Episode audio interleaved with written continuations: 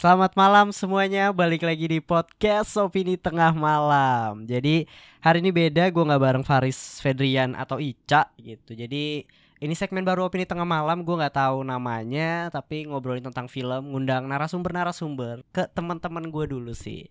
Mungkin boleh kenalin dulu nih narasumber gue hari ini. Ada Audrey. Halo semuanya, kenalin aku Audrey. Iya, jadi Audrey ini teman gua waktu kuliah. Asik. Jadi waktu kita podcast juga ya, Dre ya. Mm-mm. Tapi di beda podcast, beda beda podcast ketemu, tapi belum deket. Cuma habis itu sering ngobrolin film bareng. Kebetulan Audrey juga suka nonton film. Bener gak gue, Dre? bener Tapi mungkin genre kita sih sedikit beda ya Iya, kalau boleh tahu genre lu apa nih, Dre? Genre gue Kemarin baru nemu tuh nama yang pas tuh Slice of Life Ada bener gak sih? Ada namanya Apa tuh? gitu Jadi kayak mungkin ngomongin soal normal life of people aja gitu loh Jadi gue anti banget, bukan anti sih Gue gak terlalu suka sama yang fantasy gitu loh Kayak non Hmm, kayak oke. gue tuh lebih suka non fiksi orangnya tuh. Eh, iya, gue ngerasa selera film lu tuh cukup unik dan cukup Kan? jadi referensi gue juga. Dari lihat dari story-story lu gitu. Eh hari ini lu mau bahas film apa nih Dre? Film yang lu suka banget deh gitu. Film yang gue suka banget kebetulan karena kemarin udah ditanyain juga nih sama Bimo ya. Hmm. Apa nih film yang gue suka kemarin? Gue baru aja nonton satu film judulnya A Beautiful Day in the Neighborhood. Kebetulan Bimo juga suka sama pem- pemeran utamanya ya. Yes, Si yes, Tom Tom Hanks. Hanks. Iya baru banget Itu nonton di banget. Netflix ya. Iya, Netflix, platform Mm-mm. streaming kita semua ya yang Iya. paling pasti banyak orang menggunakan. Wow. Itu bagus banget dan kita akan bahas Yes. Ya kurang lebih kayak gitu Jadi kalian pasang kacamata konspirasinya Tetap open minded Balik lagi di podcast Opini Tengah Malam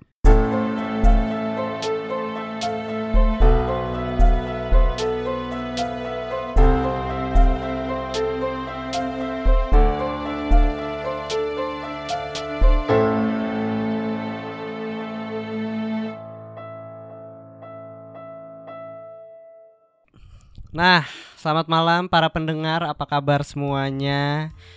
Kembali lagi di segmen yang gak tahu ini namanya apa. Mungkin Audrey nanti ada masukan terkait namanya ini, ya, Dre. Boleh boleh. Kita akan ngebahas A Beautiful Day in the Neighborhood. Karena sejujurnya ini salah satu film yang gue tunggu-tunggu, Dre. Lu tahu film ini udah lama apa belum?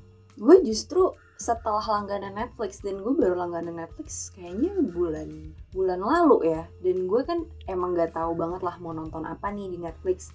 Terus cari-cari oke menarik nih posternya. Kayak posternya tuh cukup colorful gitu ya. Terus gue Iya, kayak iya, iya. ya kepo aja oh ada Tom Hanksnya apa nih? Judulnya juga unik. Nah dari situ gue randomly aja kemarin bener-bener randomly gue harus nonton sebelum uh, paket gue habis bulan ini gitu. Oh, lu Intinya, jadi tuh kayak nggak perpanjang gitu? Apa lu cuma sebulan dulu? Ah sebulan dulu gitu? gue kebetulan yang bayar sendiri ini baru sebulan. Hmm, karena oke. ya namanya mahasiswa ya.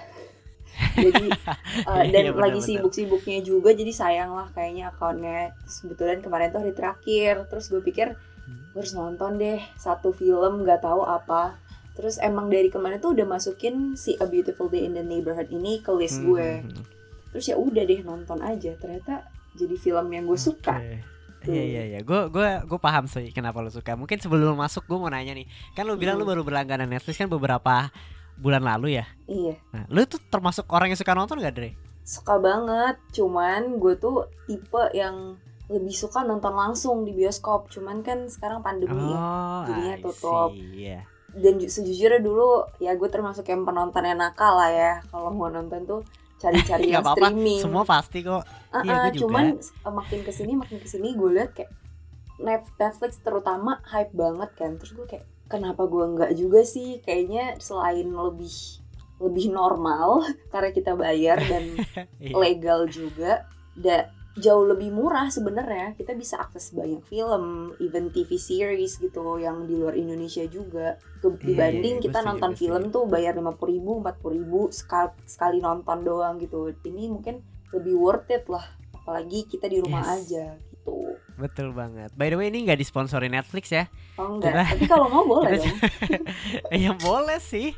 Kalau mau sih Netflixnya boleh banget. Jadi itu oke gue paham gue paham gue juga termasuk orang yang cukup suka nonton juga mungkin di bioskop walaupun filmnya gue nggak tahu apa gue juga suka nonton cuma karena pandemi ini ya emang Netflix jalan keluarnya ya Yes. dan banyak kan ternyata lu juga gue lihat di story lu ternyata lu juga nonton banyak banget film di Netflix juga akhirnya Yes, bahkan gara-gara Netflix gue jadi suka nonton TV series. Tadinya gue nggak suka banget karena gue tahu Oke. gue akan addicted gitu loh kalau nonton series tuh pengennya sehari selesai. Jadi oke ya, iya, sejak iya, iya. Netflix kayak aduh ada apa lagi nih TV series TV series yang kira-kira seru gitu. Ya banyak kok di Netflix sebenarnya yang nggak Hmm. perlu lu menghabiskan durasi sejam ya gitu. Maksud gua kalau drakor kan sejaman lebih. Ada Oh, enggak TV sih series yang drakor. cuma 20 menitan. Iya gue juga ya gue bukan nggak suka drakor cuma emang karena durasinya rada lama aja Iya, iya. gitu. No offense Oke, ya Dre. drakor lovers. Iya nggak apa-apa makanya gue langsung mengalihkan nih takutnya diserang gua. Eh jangan ya. Ya. Oke Dre, A Beautiful Day in in the Neighborhood. Nah, ini tuh salah satu film yang sebenarnya di tahun 2019 ya. Iya nggak Mhm. sih? Apa Benar, 2020 ya? Gue lupa deh. 2019. Yes, 2019 awal banget. Itu gue nungguin ini karena Tom Hanks itu lama banget nggak nggak main film. Gue nggak tahu juga filmnya. Terakhir kalau nggak salah ada The Post dan abis The Post gue nggak tahu lagi film dia dan ternyata dia mau keluar ini gitu. Gue udah nungguin dan akan tayang di bioskop Dre. Tapi Sempet tayang nggak ya? Sempet tayang nggak ya? Gue lupa enggak. lagi. Gue soalnya nggak mer- nggak merasa pernah mendengar gitu loh tentang si A Beautiful Day in Neighborhood ini. Apa gue yang nggak tahu sih? Aduh. Kayaknya nggak sempet. Harusnya di, harusnya di setahu gue di akhir-akhir tahun 2019 di bulan November atau Desember pandemi Hmm. seharusnya sih belum masuk ya cuma gue lupa gue lupa banget tapi gue nggak sempet nonton intinya dan gue mau nonton tapi gue baca sinopsisnya kurang tertarik deh Oke. karena lebih ke media kan TV Yes. TV gitu kan gitu dan ternyata pas lu nonton lu bilang Bim gue mau film ini kebetulan gue tahu ya udahlah gue nonton hari ini juga tadi gue baru selesai nonton Hmm. dan ternyata bagus ternyata Yes. bagus banget yes dan mungkin lu ceritain lu deh sinopsisnya Dre biar pendengar nih tahu juga nih siapa tahu mau nonton Jadi uh, pada dasarnya film ini tuh based on true story gitu ya tentang satu tokoh yang diangkat namanya Fred Rogers. Dia ini kayak TV personality, basically TV host gitu. Mhm. Dan dia itu punya program namanya Mr. Rogers Neighborhood gitu. Dan di film ini di, uh, si Fred Rogers ini diperanin sama Tom Hanks. Nah, yang Hmm. uniknya sebenarnya film ini tuh nggak berputar di si Fred Rogersnya justru, tapi malah di satu orang jurnalis, Jurnalis ya? namanya Lloyd Nah. Foyle. Uh-uh. Dan Hmm. uh, for your information, film ini tuh uh, emang beberapa tokohnya dibuat berdasarkan orang asli gitu. Yang Fred Rogersnya emang asli, Mhm. tapi kalau Lloyd Foyle ini enggak. Cuman di dunia nyata tuh ada Oh, iya? jurnalis yang memang menuliskan cerita tentang si Fred Rogers namanya Tom Juno. oh Jadi beda film ya ini tuh uniknya dibuat berdasarkan artikel. oke oke Nah, artikel si Tom Juno ini eh, artikel si Tom Juno ini eh, judulnya tuh apa ya?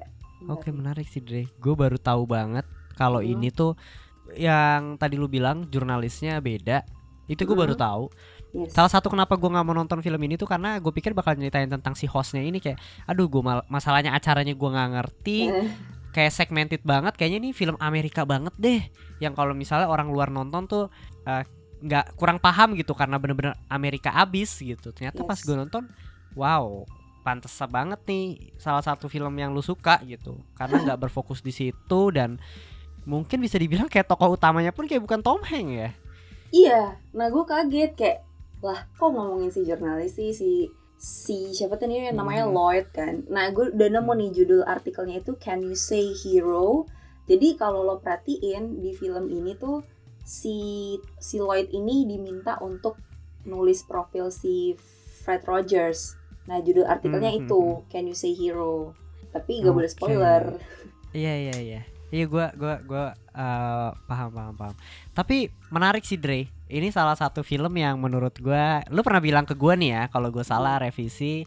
Gue tuh suka film-film yang inspiratif gitu atau Iya. enggak apa ya filmnya? Kayak orang yang menemukan jati dirinya lah Yes. atau misalnya bangkit dari keterpurukannya mereka gitu. Dan Benar-benar. dan film ini benar-benar menceritakan hal itu gitu dan apa siapa namanya Rogers ya si ininya ya Eh, iya, yang diperanin. Tom Hanks ya. Si Rogersnya itu kalau nggak salah juga pendeta nggak sih Dre sebenarnya Nah, sebelumnya kalau- lupa itu. Nah, dia tuh tadinya mau belajar teologi.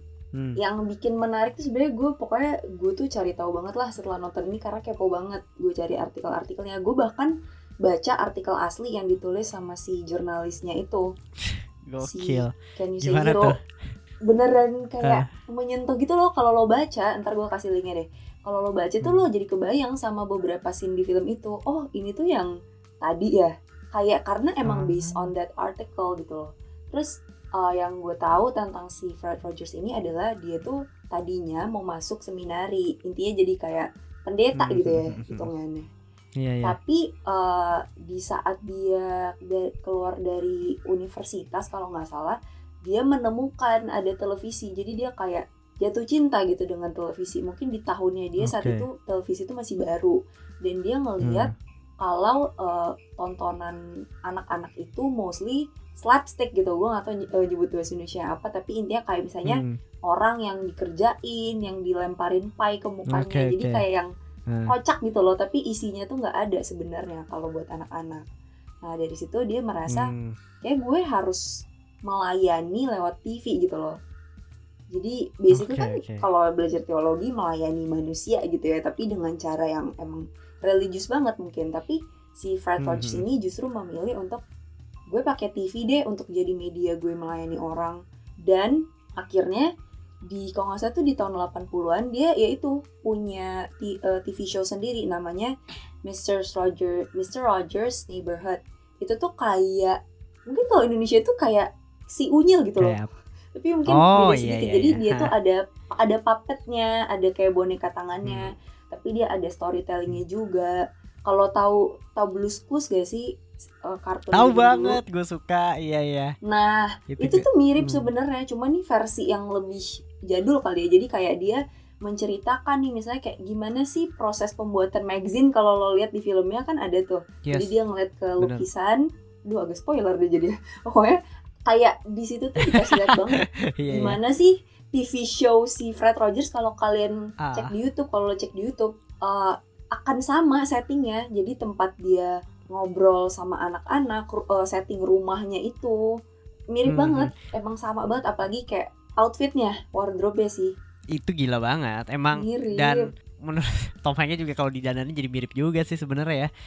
iya Kalau gue lihat-lihat bahkan sekilas-sekilas gitu. eh, kalau nggak salah mereka tuh nambahin alisnya si Tom Hanks. Kalau lihat tuh kan rada tebel ya. Itu ditambahin Hmm, biar tebel. mirip sama Fred Rogers. Mungkin kalau di Indonesia buat kayak gini menurut lu siapa? Host yang ini sedikit out of topic ya gue pengen nanya aja. Siapa? Kira-kira Dre gue kebayang sih Dre siapa masa sih ini lo dulu siapa Iyalah. kepikiran di gue sih kaseto Oh iya. anak kecil banget cuy iya sih. gue ngerasa kayak Iya, wah nih iya. kaseto abis nih Mm, kayak bener-bener cuma Karena- bedanya dia nggak punya TV show ya Iya. Tapi si Fred Iya, Rogers sumpah. ini emang TV show-nya ini untuk anak-anak. Cuman banyak orang dewasa yang ngerasa relatable juga gitu loh sama topiknya karena dia itu nggak nggak cuma ngomongin kayak yang menye-menye gimana sih kalau sama anak-anak kan kita kayak takut ya mau ngomongin Hmm, hmm, hal-hal hmm, tabu misalnya kayak perceraian dia ngomongin loh ngomongin perceraian bunuh diri dia ngomongin. Jadi inti dari TV show dia itu mau membahas soal uh, how we express our feeling gitu loh. Karena kadang orang Yes. dewasa tuh terlalu takut untuk ngomongin hal-hal tabu sama anak-anak sementara anak-anak tuh banyak banget keponya pengen taunya gitu loh jadi si Fred Rogers ini berusaha untuk memposisikan diri dia untuk sejujur mungkin sama anak-anak tuh Hmm. ada itu kelihatan sih gue. Iya, gue gue suka banget di situ di mana apa ya bisa dibilang ya kru kru TV-nya tuh nurut gitu loh sama dia. Iya. Nggak apa-apa udah kayak gini aja kayak gini aja itu gue pas itu gue tahu kayak wah gila nih ada ternyata orang kayak gini yang ya mungkin kalau kata jurnalisnya nggak mungkin lah pencitraan doang nih mungkin karena duit gitu loh. Mungkin dia motifnya karena uang karena karena apa sih ya dia tenar gitu. Tapi ternyata enggak gitu loh. Ternyata enggak. Dan dan sebenarnya yang menarik di sini adalah gimana ya dia digambarkan di sini seorang yang cukup sempurna gitu. Walaupun Yes. Pasti kan ditanya ya terus lu nggak beban apa menjalani hal ini? Gitu. Lu sebenarnya paham nggak? Ini uh, udah masuk sedikit spoiler lah spoiler lah ya nggak apa-apa lah menurut gua. Karena udah yang dengerin sampai sini udah pasti mereka pengen nonton gitu. Dan kalau seandainya spoiler dikit juga nggak apa-apa. Lu paham nggak Dre yang ketika dia ditanya beban cara lu ekspres beban hidup lu tuh gimana gitu? Ngerti. Yang dia piano yang piano itu tuh kan? Yes yes dia tuh nggak ceri- dia bilang nggak cerita ke orang kan tapi dia Hmm. dia selalu bilang piano pia- yang dia jreng jreng gitu itu dan di endingnya itu ada ada scenes itu ada adegan itu Iya, gue Yes. langsung paham tuh kayak oh dia berarti lagi lagi ada ada pikiran atau ada beban Mm. nih gitu. Itu gue suka banget. Gak tau kenapa itu itu sangat amat gue suka scenes itu yang di ending.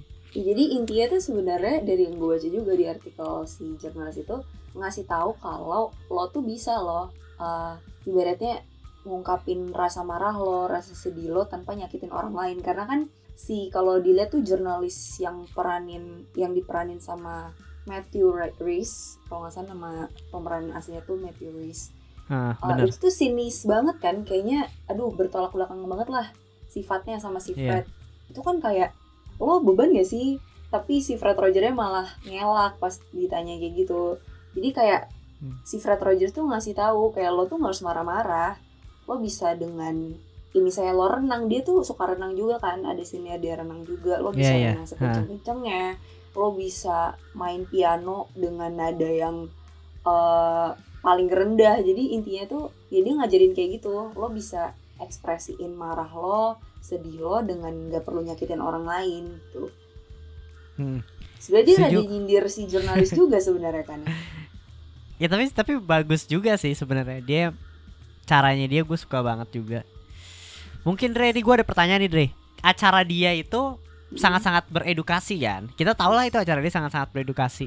Di zaman itu, di zaman itu menurut gue cukup happening banget dan apakah nih asik ini sedikit ini ya sedikit belajar gitu. Gue mau nanya ke lu apakah acara TV kayak gitu tuh masih works gak sih di sekarang?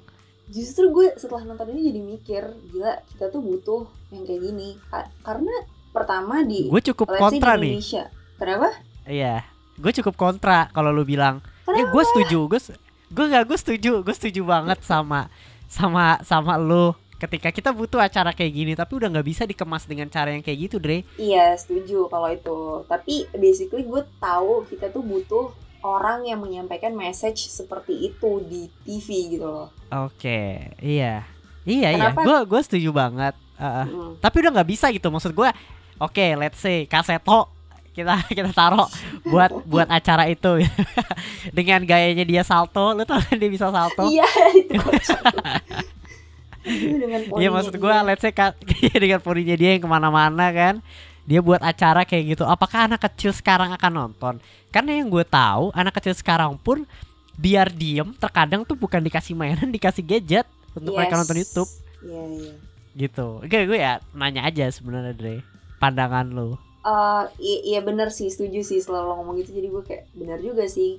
Dia mungkin jadi idola banget karena di masa itu parenting itu ya sebatas anak main-main di luar rumah terus mereka nonton kartun kesukaan mereka gitu dan itu jadi tontonan masa kecil orang-orang Amerika ya kayaknya. Kalau Iya. di aplikasi zaman sekarang kayak nggak juga sih ya agak old school terlalu old school juga ya. Mm Ya kayak mungkin dulu kita suka banget nonton apa? Blues Clues yang tadi lu bilang ya kan? Apakah anak kecil sekarang suka kalau misalnya kita kasih setelah itu? Nggak gue gue nggak nggak nggak yakin mereka suka gitu. Even mereka nonton SpongeBob pun aja gue nggak berani.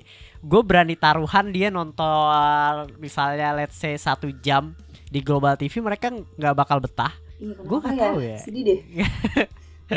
Sedih orang itu lucu banget ya iya kayak gitu sih. Gue gue cuma kepikiran aja kayak gitu. Gue suka banget sama film ini gue ngerasa film ini juga sangat-sangat apa ya beredu beredukasi banget dan kita perlu gitu loh tayangan TV yang kayak gini. Parenting lah ibaratnya yang tadi lu bilang. Mungkin kalau sekarang parenting kayak gitu langsung ke channelnya Ruben atau Raffi ya. Parenting juga.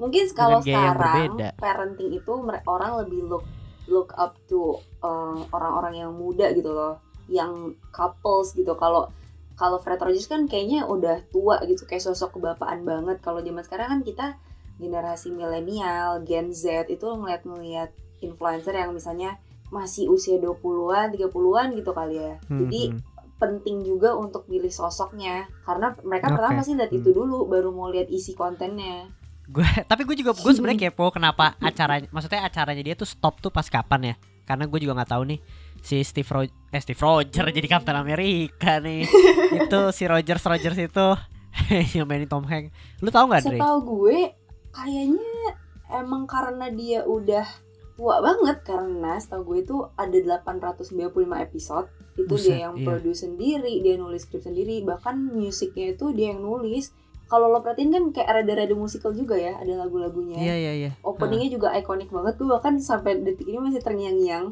Iya setuju gue setuju banget terngiang yang enak gitu loh.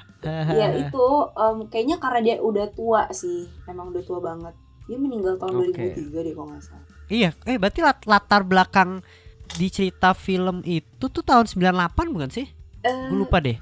90-an gak sih? deh? Iya, iya, gue 90-an deh. Iya, bener. 90-an. Ya jurnalis itu. Iya, iya benar sih. Iya, iya. Berarti kemungkinan besar acaranya ya karena dia tua kan dia meninggal kan 2003 ya. nggak jauh lah Hmm. 98 ke 2003 Iya. kurang lebih. Iya. Menarik, sangat menarik. Apa tadi judulnya, Dre? A Beautiful Day in the Neighborhood. Iya, berapa scoringnya, Dre? Waduh, dari sep- eh, per 10 gitu ya. Berapa ya? Iya, per 10. Aduh, gue suka banget kalau gue bilang 10 nggak apa-apa gak sih? Dia fair Ah, gitu. yang nggak apa-apa, nggak apa-apa. 10, 10 per karena 10 gue, nih. Iya, karena gue tuh sampai yang adore orangnya gitu loh. Gue adore sama kisah nyatanya sampean. Hmm, iya, itu bagus kok. Ketika lu nonton dan lu ternyata akhirnya jadi kepo sama kisah nyatanya, berarti film itu bisa kena banget.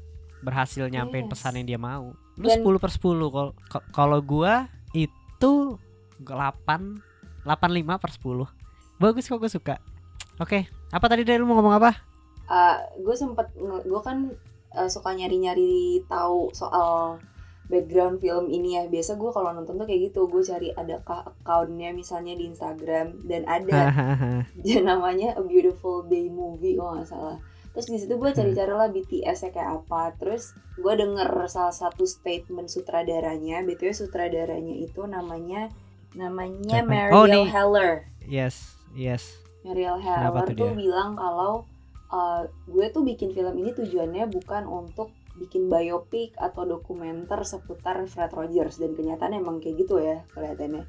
Tapi dia mau Hmm. uh, lewat film ini orang jadi look up to themselves gitu loh. Jadi ngelihat gue tuh udah cukup memaafkan ya sih. Gue tuh udah cukup uh, ngomongin soal feeling gue nggak sih? Karena kan di film ini tuh kita di apa ya dibawa ke cerita si jurnalis ini yang punya masalah hidup, terus gimana dia bisa memaafkan masa lalunya dia.